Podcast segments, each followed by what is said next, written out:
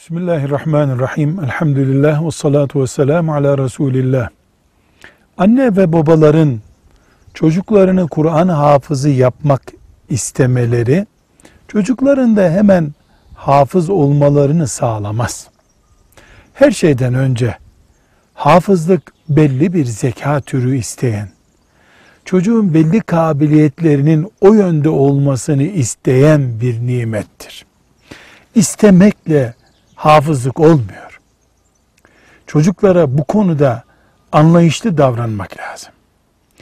Kesinlikle bir ehil hoca efendinin, pek çok hafız yetiştirmiş bir hoca efendinin bu çocuk kız veya erkek hafız olur demesi bizim startımız olmalı. Biz istedik diye değil, çocuk yapabilecekse hafızlık yapmalıdır.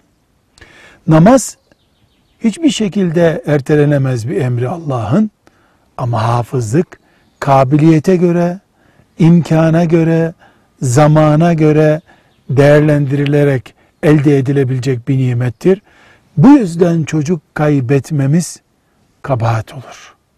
Çocuğumuzu hafız yapacağız diye olmayacak şartlarda zorlarsak çocuğu Müslümanlığını da etkileyebiliriz. Yanlış bu. Ciddi danışmanlık hizmeti almak lazım. İsteklerimizde değil, elimizdeki imkanlara göre hafızlık yaptırmamız lazım. Elhamdülillahi Rabbil Alemin.